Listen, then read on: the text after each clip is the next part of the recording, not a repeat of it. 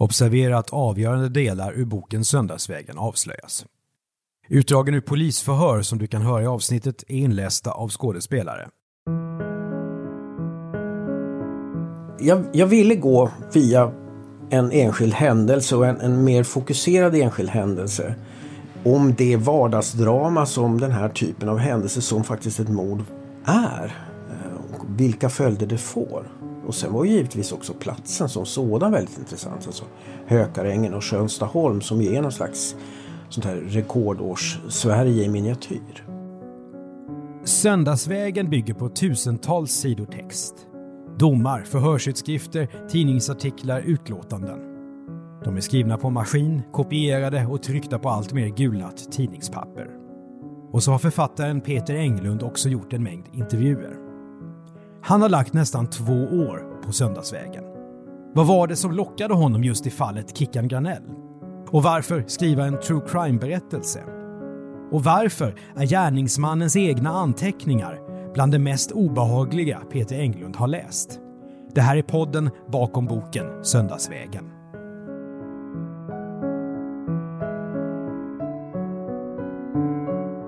När fick du idén till Söndagsvägen? Ja, idén till Söndagsvägen är egentligen en förening av flera olika impulser. En av dem är ju att jag är väldigt intresserad av 60-talet. Jag var grabb då, jag växte upp då. Och 60-talet är också lite grann en väldigt romantiserad epok. Den här boken var lite grann poängen där, så att säga, vad kommer vi ihåg av 60-talet? Och kommer vi alltid ihåg rätt saker? En annan impuls handlar om att jag har väldigt länge varit intresserad av, av den genre som, där man alltså skriver om verkliga brottsfall.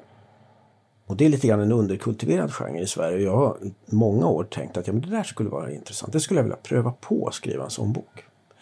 Därför att att skriva om en enskild händelse är precis som när du skriver om en enskild person. Det blir ett sätt att ta sig in i en tid lite grann underifrån.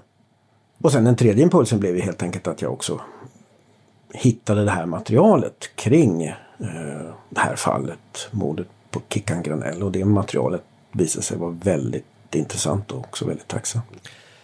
Så hade du skrivit den här boken om mordet hade utspelat sig 1955 eller 1975? Nej, nog inte. Jag, som jag sa, jag var, det här är en bok om 60-talet också. Och det är en viktig poäng för mig. Söndagsvägen är också en, en titt på 1960-talet, alltså det här ljusa och framtidsoptimistiska och, och allt mer rika 60-talet å ena sidan, men handlar också om 60-talet, det här 60-talets bortglömda undersida. Jag känner mig lite ledsen över att jag inte fick vara ung på 60-talet. Ja, det ska du nog vara faktiskt. Men vad är det man missar när man romantiserar svenskt 60-tal på det sättet? Å ena sidan fanns den här känslan av att, att framtiden var oändlig och oändligt ljus. Å andra sidan, å andra sidan så fanns det någon, en känsla, en mörk känsla av någonting är inte rätt. Att det fanns en känsla av, av säga, hot och vantrivsel och obehag som jag själv tror handlar väldigt mycket om kalla kriget. Som eh, faktiskt skulle kunnat bryta ut när som helst och utplåna jorden. Och nu talar vi inte det om det är abstrakt utan ett, ett ordentligt rejält kärnvapenkrig med kärnvapen, atomvintern som följd. Så att det fann, och, det, och, och den här den känslan av hot, den var väldigt mycket undertryckt under den här tiden. För man kan inte leva helt ut enligt, eh, enligt den insikten på något sätt. Så att jag tror också att det är det man ska förstå varför vissa typer av händelser också drog till sig väldigt mycket uppmärksamhet. Tror du att du kommer få kritik för att du romantiserar svenskt 60-tal för mycket? Det tror jag inte, för det är det jag inte gör. Utan jag lyfter fram sånt där som många inte känner till. Alltså, det är ju 65, det är ju då som den här narkotikaepidemin, narkotikavågen verkligen dånar lös. Det har mest troligt aldrig varit så lätt att få tag på narkotika i Sverige som just 1965. Med den här legala förskrivningen och sånt där. De här konstiga experimenten som pågick. Eller att vi hade då den här enorma pornografivågen. Alltså det fanns sunar och det fanns eh, knuttar. Och det fanns Eh, plebbar och sånt där. Alltså, som klädde sig lite annorlunda. och modsen, man ska inte tala om dem. Eh, sådär. För 1965 var ju också det här året då modsen slog igenom. Det, det var ju lite grann, det var ett importerat mode från, från England. Och som dels stod för det här att alla, det var ju ett unisexmode. Och det var ju provocerande som satan det här. Att de, eh, de bar alla ungefär samma lite fransiga blå jeans, gärna då amerikanska gamla arméjackor. Och sen hade alla samma typ av halvlånga, mycket välkammade frisyrer. Och så att de tvättade sig varenda dag. De tvättade håret varenda dag. Och det ansågs snudd på perverst. De var liksom sådär, de var en slags väldigt lata punkare. Det, vi skiter i allt men det skiter vi väl i. Så att det ingick då att ha den här attityden att liksom tycka alla sådana här knegare som går till jobbet, vad är det för idioter sådär. Utan mm. man ligger där och dricker öl och tar det lugnt. Detta är Söndagsvägen. Första gången jag stod där tänkte jag att detta måste vara ett av Stockholms mest idylliska områden. Jag har ytterligt svårt med friktionsdeckare. Jag klarar nästan aldrig av att ta mig igenom en sån eh, av olika skäl. Framförallt därför att glappet mellan verklighet och den verklighet man utger sig för att skildra i fiktionsdeckare, den är så enormt kolossalt stor. Jag skulle vilja prata lite om true crime-genren. Vad tycker du om den generellt? Jag är intresserad. Jag tycker det är en intressant genre av faktiskt samma skäl varför jag är intresserad av biografigenren. En berättelse om en enskild människa och en berättelse om en enskild händelse kan tillåta en att komma in och få syn på någonting i tiden som, man annars, som annars kan vara svårt att göra. Det är lätt att hitta medelmåttiga biografier och medelmåttig true crime, det är, det är sant. Vad har du läst som är långt från medelmåttigt? Ja, jag kan ju nämna några titlar där. Mm. Är det Fatal Vision du har där? Ja, den har jag faktiskt. Ja. Tyckte du att den var så bra som alla säger? Ja, alltså den är, den är ju lite, den är ju unput downable. Det är den ju, du kan ju inte lägga den ifrån dig. Oh. Ja, nu har du rotat i bokhyllan här. Eller, ja, eller på golvet snarare. På gol Där ligger, ligger staplat. Nej, man kommer ju liksom inte förbi det som är urverket. Truman Capotis med kallt blod. Som är ju en en helt fantastisk bok. Men i efterhand har det kommit fram att han har ju skarvat en hel del.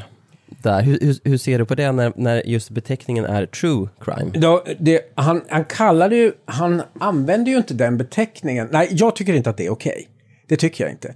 Och när, när det kommer fram att någon har skarvat, så då förlorar ett verk i den här genren omedelbart sin kraft. Och har du skarvat nog mycket, då, är det ju, då blir det ju värdelöst. Men det är en, jag tycker den är fantastisk faktiskt. Han skrev aldrig någon mer bok efter den där. Men alltså, man kommer inte förbi den. En som jag tycker också är intressant, om inte annat därför den är så jäkla läsvärd, den här Robert Sabags Snowblind, A Brief Career in the Cocaine Trade. Aldrig hört talas om. Vad, vad är det för bok? Nej, det handlar om en av de här största eh, kokainsmugglarna till USA på 70-talet. Eh, Zachary Swan. Han var ju den kanske första sån här kokainsmugglare-entreprenören. Och den är den är, så här, man häpnar över vad de gör. Sen en annan som jag tycker själv är förbannat bra men extremt obehaglig. Det är en, det är en, han är död nu, han heter Gordon Byrne. Men han har skrivit en, en, en bok om de här fallet med Fred och Rosemary West, de här seriemördarna. Och den heter Happy Like Murderers. Det, det har ju skrivits en skrälldus med böcker om paret West. Och de många är ju sådär, de är skrivna enligt en mall och inte vidare genomtänkta sådär. Och de är som, ja men det är väl intressant och bra. Och de blir gärna lite snaskiga. Men den här har, Börn han jobbar väldigt mycket med formen. Så att den är rent litterärt så är den högt stående. Och hur han också lägger upp den här berättelsen. Och han har vissa sådana omtag han återvänder till sådär. Och långsamt så liksom börjar bilden klarna vad det här, vad det här är, vad det här handlar om. Jag tror att den här, jag skulle nog säga att den här är bättre än i kallt blod alltså. Happy Like Murderers. Men har de här böckerna gett dig några idéer om hur du själv ska lägga upp Söndagsvägen? Nej, inte så, inte så direkt, men jag tror att det finns ett element i alla de här. Eh, så finns det ett element av att du kan inte vinna en förståelse av en sån här händelse som ett, när någon dödar en annan människa om du inte har med tiden och platsen. Då använder ju så att säga händelsen använder ju för att få med tiden, men du ska så att säga nå tiden också. Ett poddtips från Podplay. I fallen jag aldrig glömmer djupdyker Hasse Aro i arbetet bakom några av Sveriges mest uppseendeväckande brottsutredningar. Går vi in med hemlig telefonavlyssning och, och då upplever vi att vi får en total förändring av hans beteende. Vad är det som händer nu? Vem är det som läcker? Och så säger han att jag är kriminell, jag har varit kriminell i hela mitt liv men att mörda ett barn, där går min gräns. Nya säsongen av Fallen jag aldrig glömmer på Podplay.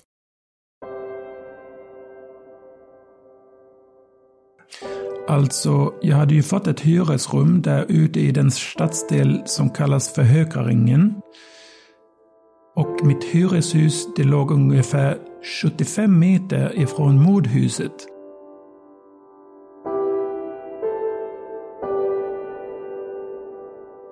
Det var ju en intressant sak med det här fallet och som också gjorde att jag bestämde mig för att skriva om det här fallet just därför att gärningsmannen var ju grafoman. Alltså han skrev och skrev och skrev och skrev ner allt som dök upp i hans huvud mer eller mindre. Han efterlämnade ju tusentals sidor med anteckningar. Och det är inte liksom en enkel dagbok utan det är någon slags stream of consciousness och det är liksom planer och det är tankar och det är allt möjligt. Eh, liksom det är som ett vattenfall av ord. Så går det att komma in lite grann i hans huvud och se vad, vilken eh, krökt och ynklig individ det här var. Ensamhet. Vet du vad ensamhet är? Jag är vansinnig. Vansinnig. Jag flyr den. Jag behöver en flicka, ett levande väsen. Vad är ensamhet? Det är döden. För att överhuvudtaget kunna få en kvinna och därigenom uppnå mitt livs största dröm och få möjlighet till en meningsfull utformning av livet måste jag i mitt fall begagna mig av en kriminell handling. Så att han är ingen gåta på så vis. Och I regel så är ju den här typen av handlingar, motiven bakom dem är ju i regel kolossalt banala.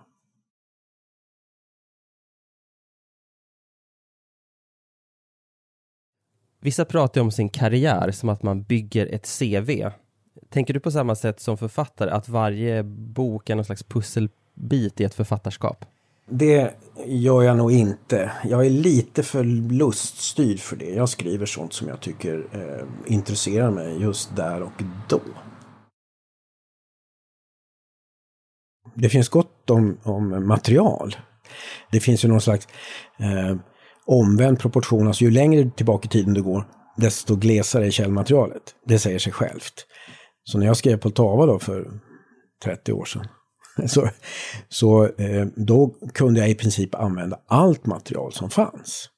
Sen, det här materialet var ju delvis så, så stort så att då gäller det att orientera dig i materialet. För materialet är så stort så du drunknar nästan i det.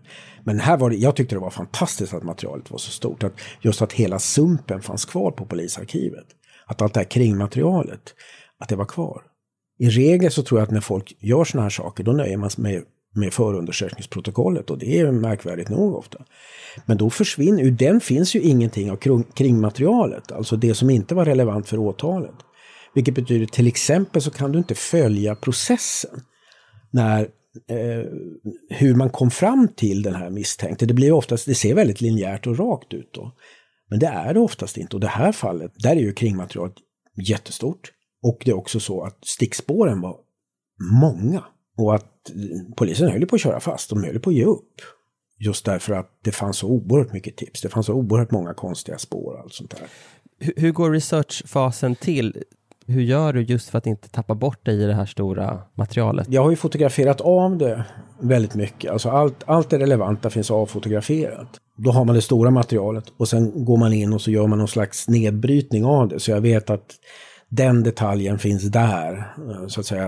Eh, materialet kring när de letade mannen med de ihopväxta ögonbrynen, som var ju deras huvudspår ett tag det finns där och där och där och så sammanfattar jag det och sen finns det hem, kan jag hänvisa in i materialet. Men gör du all research först och sen börjar du skriva eller sker det där parallellt? Det sker delvis parallellt, det måste det göra också därför att vissa saker, det, vissa frågor uppstår först när man har börjat skriva och börjar få ihop det. Jag brukar försöka att börja skriva så fort som möjligt för vissa saker blir inte riktigt tydliga förrän du börjar skriva ihop dem. Vad fick du inte ta del av som du hade velat ta del av?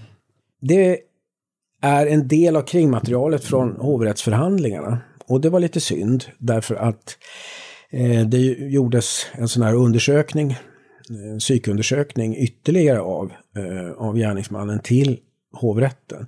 Men där sprang jag in i någon sekretesslagstiftning som gjorde att jag inte fick tag, eh, jag fick inte ta del på den här psykundersökningen. För de är ju i regel sekretessbelagd. Men jag lyckades pussla ihop tillräckligt mycket, dels av pressuppgifter uppgifter, och sen av det som också fanns citerat i protokollet. Men, men eh, hovrättsmaterialet, det var en klar besvikelse. Du är ju väldigt van vid att förhålla dig till källor och vara kritisk till källor och sådär. Har, har du några, några liksom knep som du har arbetat upp? Därför att man kan ju inte, heller inte ta allting som står i polisens förundersökning för sant. Eh, det är ju samma sätt att förhålla sig kritiskt till utsagor och förhålla sig kritiskt till ett material som, som har gällt om jag har skrivit om slaget vid Poltava eller om jag har skrivit om det första världskriget, att de källkritiska kriterierna finns kvar där och de är väldigt bra. Tendenskriteriet, eh, kan, eh, har den här personen någonting att vinna på att säga si eller så? Så finns det här beroendekriteriet, alltså är egentligen försöker jag använda två oberoende källor som inte är oberoende för att förstärka ett case. När det egentligen är så att de här är beroende av varandra. Att källa A är egentligen eh, en avskrift av källa B och då kan jag inte använda de här två till att förstärka varandra. Det är liksom eh, beroendekriteriet. Men sen också det här väldigt viktiga närhetskriteriet. Att en källa som ligger nära händelsen. Ju närmare en, en källa ligger händelsen, det, då ger det ett högre värde än om en källa är producerad eller framskapad 20 eller 30 eller 40 eller 50 år senare. Har du något konkret exempel på hur det har hjälpt dig i just det här arbetet? Det absolut mest drabbande och som gjorde att jag fick lite grann tänka om, det handlar ju om, om närhetskriteriet. Att jag var ju väldigt eh, nöjd och spänd inför det här att få arbeta med någonting som låg i, i levande minne och där jag då fick prata med folk och höra, ställa frågor om någonting som hände och så vidare. Eh, men problemet var ju att jag har glömt bort hur gammal jag är och att, 50, att 1965 var väldigt länge sedan. Och när jag började fråga folk så det vanligaste svaret var ju jag minns inte.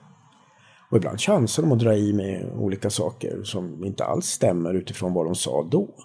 Och där jag tveklöst går på det de sa 24 eller 48 timmar efter fallet snarare än någonting som de berättar 50 år efteråt. Har du haft någon kontakt med, med Kickans eh, anhöriga?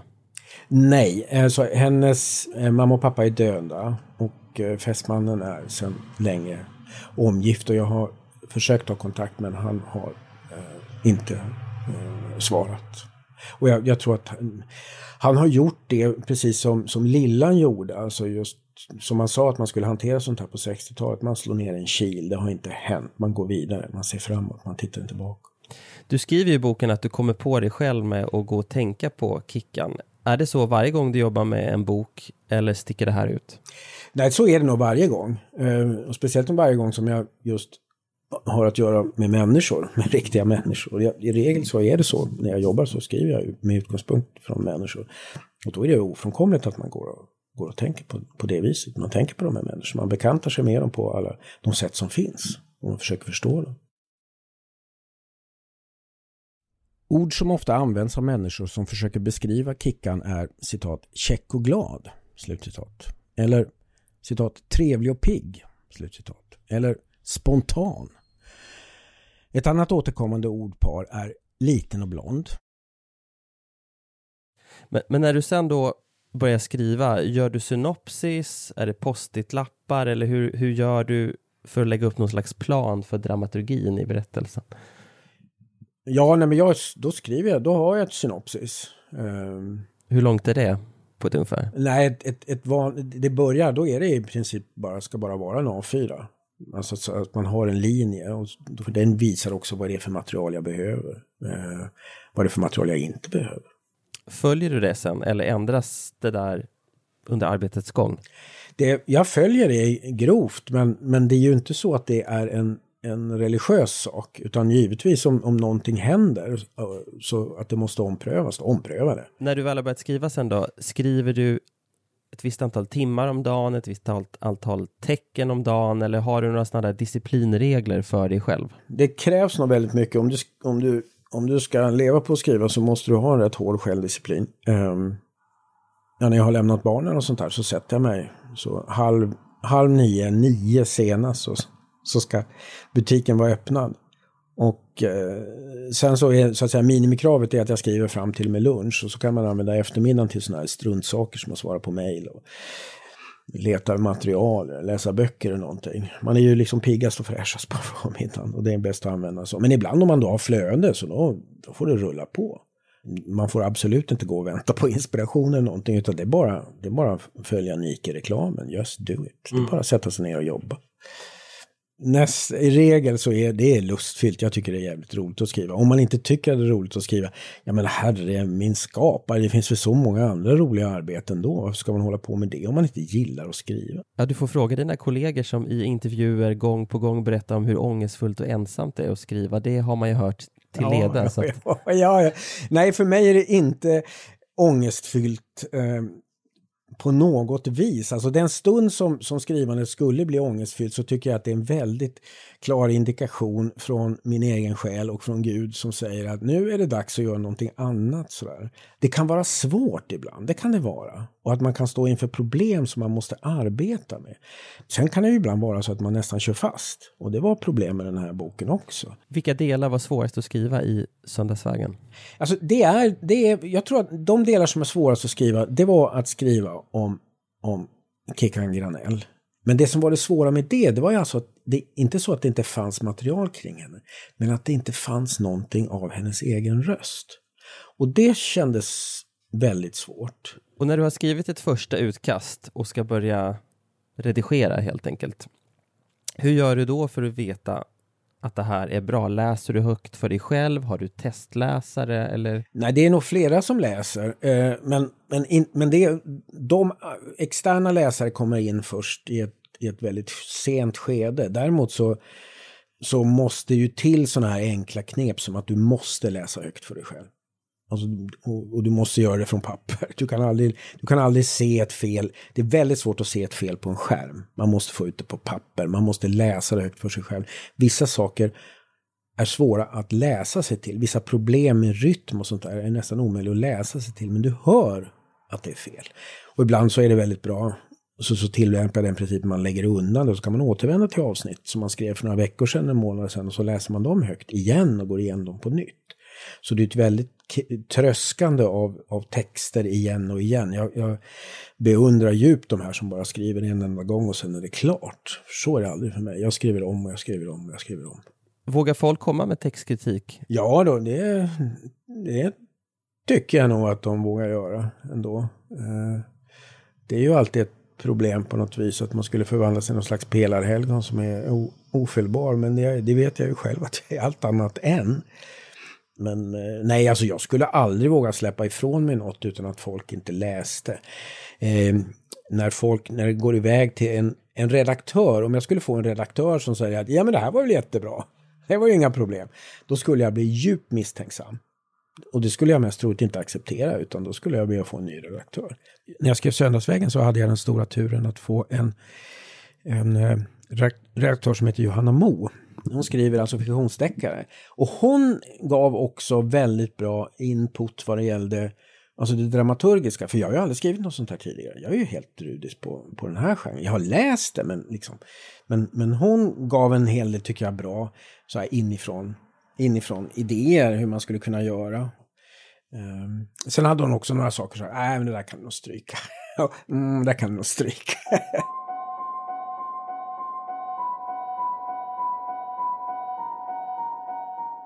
I arbetet att gå tillbaka och kontrollera gamla tips och kontakter kom man så småningom till ett som hade beteckningen D348.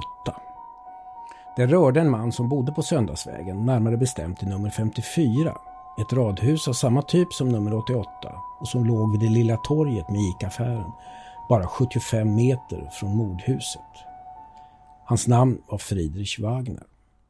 Men du gör ju någonting i Söndagsvägen som eh, det är verkligen inte alla true crime-författare som gör det, att du skriver ju in dig själv i vissa passager mm. i boken. Mm. Varför gör du det? Därför att jag kände att jag behövde lite grann förklara vissa saker, vissa avgöranden. Och också att vissa typer av insikter som har nått mig under resans gång, att de förmedlas bäst på det här viset. Och att jag också ville ge en bild till exempel av, av ett av de här vikt, de, eh, viktigaste vittnena när jag träffar henne då. Alltså Lillan, Lillan Sjö. Så hur var det att träffa Lillan? Ja, alltså det var ju väldigt, väldigt speciellt. Jag kände ju henne från bilderna och sånt där. Hon var, figurerade också väldigt mycket i media, i tv och sånt där. Hon var något pressetiskt tveksamt så satte man en mikrofon under näsan på henne liksom dagen efter hon hade varit med om att hitta, hitta kroppen och man märker att hon är i chock. Men, men samtidigt så var jag, kände mig också lite, jag var orolig för jag visste inte hur mycket det här skulle liksom riva upp hos henne.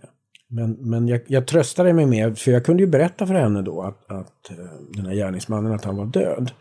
Och hon har ju gått sitt hela vuxna liv och från tid till annan varit orolig att han på något vis skulle komma tillbaka, skulle söka upp henne. Sen var det det som avgjorde det ytterst, att jag kände att jag måste ha ett metaplan. Det var ju när jag hittade eh, mördarens bekännelse. Som jag hade gett upp hoppet om att någonsin få ut.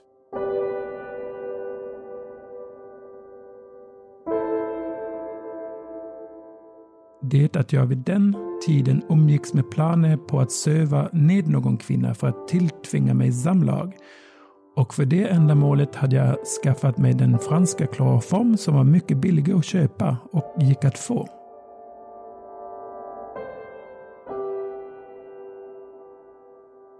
Du, det är en sak som du inte har gjort som vissa gör som skriver i den här genren, det är att man försöker gå in i, i offrets hjärna och nästan beskriva hur den personen känner och tänker. Det har ju du inte gjort. Nej, jag gjorde inte det. Jag tycker att man, det är väldigt viktigt att inte gå in och börja snaska på folk. Att man måste liksom respektera de inblandade. Och inte heller säga, liksom påstå sig kunna tränga in i och förstå saker som man egentligen inte kan nå. Där finns det, det finns det en absolut gräns och det tycker jag att det måste man respektera i och med att jag skriver då, det här är en faktabok, det här är ingenting jag pillar i naveln och ser vad som kommer fram. Då måste jag respektera den där gränsen. Och jag tycker också det är en etisk gräns. Jag har försökt att ge en levande och mångdimensionell bild av den här unga kvinnan som blev offret utan att snaska. Vad hoppas du att läsaren tar med sig när, när han eller hon har läst ut boken? Ja, det finns ju flera olika teman i den här boken och, och om man har fått med sig något av dessa teman så, så blir jag glad. Det finns ju två sådana här mindre teman i boken och det handlar ju dels om minnet. och minnet, hur ett minne funger minnet fungerar. Eh, och en annat, en viktigare tema, det handlar så att säga om relationen mellan, mellan eh, eh, fiktion och verklighet. Att så att säga fiktion och verklighet kommunicerar, att de informerar varandra. Och det, det, det är ett viktigt tema i boken. Sen handlar det om att jag vill gärna att de ska ta till sig den här, eh, de försök jag gör att komplicera rekordåren, komplicera bilden av Sverige under rekordåren. Men även detta som handlar om, om den här typen av män. Som jag sa, jag är intresserad av gärningsmannen, inte som individ, men som typ. Man kallar sådana incelmän. Men betyder det att det kommer störa dig lite om någon bara läser det som en mordhistoria? Och, och inte fäster så stor vikt vid det andra, kanske till och med tycker att det känns lite onödigt. Jag hade vetat, velat veta ännu mer om GW Larsson och, mm. och sådär. Nej, jag tycker nog att, att det, det, utan att uh, förhäva mig allt för mycket, så tycker jag att en, en, en bra bok ska ha flera olika läsarter. Man ska kunna läsa den på flera olika vis. Det ska inte bara finnas en enda läsart. Eh, olika människor ska kunna hämta olika saker ur en text och det tycker jag är kännetecknet på en, på en, på en god bok. Kommer boken bli film? Det finns en option på den faktiskt. på ett, ett produktionsbolag. Eh, Det är på, till och med förra våren och sånt där. Så att ja, att det, det finns en option. Och det finns eh, att man vill göra en sån här. De håller på att titta på det och göra en, en, eh, en film av det. Mest troligt blir det en sån här miniserie kanske då. Om det nu blir. Vem skulle vilja se som GW Larsson och Wagner? Nej, du, det har jag ingen åsikt om. Det har jag ingen åsikt om. Om det, här, om det blir filmat, vilket jag hoppas, sådär, så ja, surprise me. Men det ska ju vara någon, alltså, det är ju det som är intressant med en person som GW Larsson och sånt där. Att det gäller att hitta någon som, som kan ta sig lös från de där klichéerna. Det måste i alla fall vara en väldigt stillsam person. Det kan inte vara någon som springer omkring och, och gapar hela tiden. Men för helvete! Och vad ska den som eventuellt då får spela Wagner ha för ha tillgång till liksom? väldigt, väldigt eh, intelligent, en väldigt sån destruktiv intelligens. Det finns inget, det finns inget av übersmart eh, liksom seriemördare i den här personen. Det, man, det, det måste, man måste göra ett, ett väldigt speciellt porträtt och man bryter sig loss även från alla klichéerna vad det gäller den typen av gärningsmän. Kommer du skriva fler böcker om brott? Det tror jag inte. Du låter ganska säker. Va, hur kommer det sig? ja, nej men därför jag ville pröva det här. Och nu har jag prövat det och jag har andra projekt som jag ska tänka på. Jag måste vara noga med vad jag använder min tid till tycker jag helt enkelt.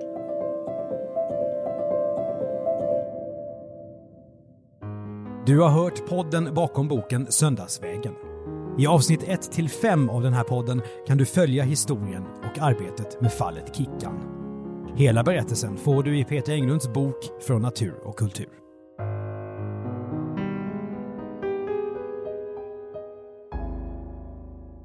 Den här podden är producerad av Mattias Bergman och Andreas Utterström. Postproduktion Andreas Karlsson. Övriga röster Fredrik Heinze och Emma Härdmark.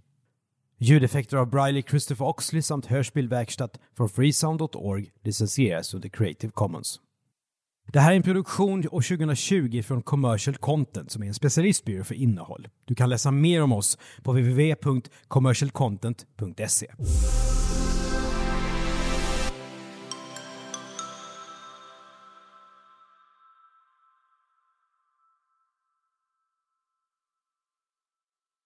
you poddtips från Podplay. I podden Något Kaiko garanterar östgötarna Brutti och jag, Davva, dig en stor dos skratt. Där följer jag pladask för köttätandet igen. Man är lite som en jävla vampyr. Man har fått lite blodsmak och då måste man ha mer. Udda spaningar, fängslande anekdoter och en och annan arg rant. Jag måste ha mitt kaffe på morgonen för annars är jag ingen trevlig människa. Då är du ingen trevlig människa, punkt. Något Kaiko, hör du på Podplay. Därför arkadeinerna.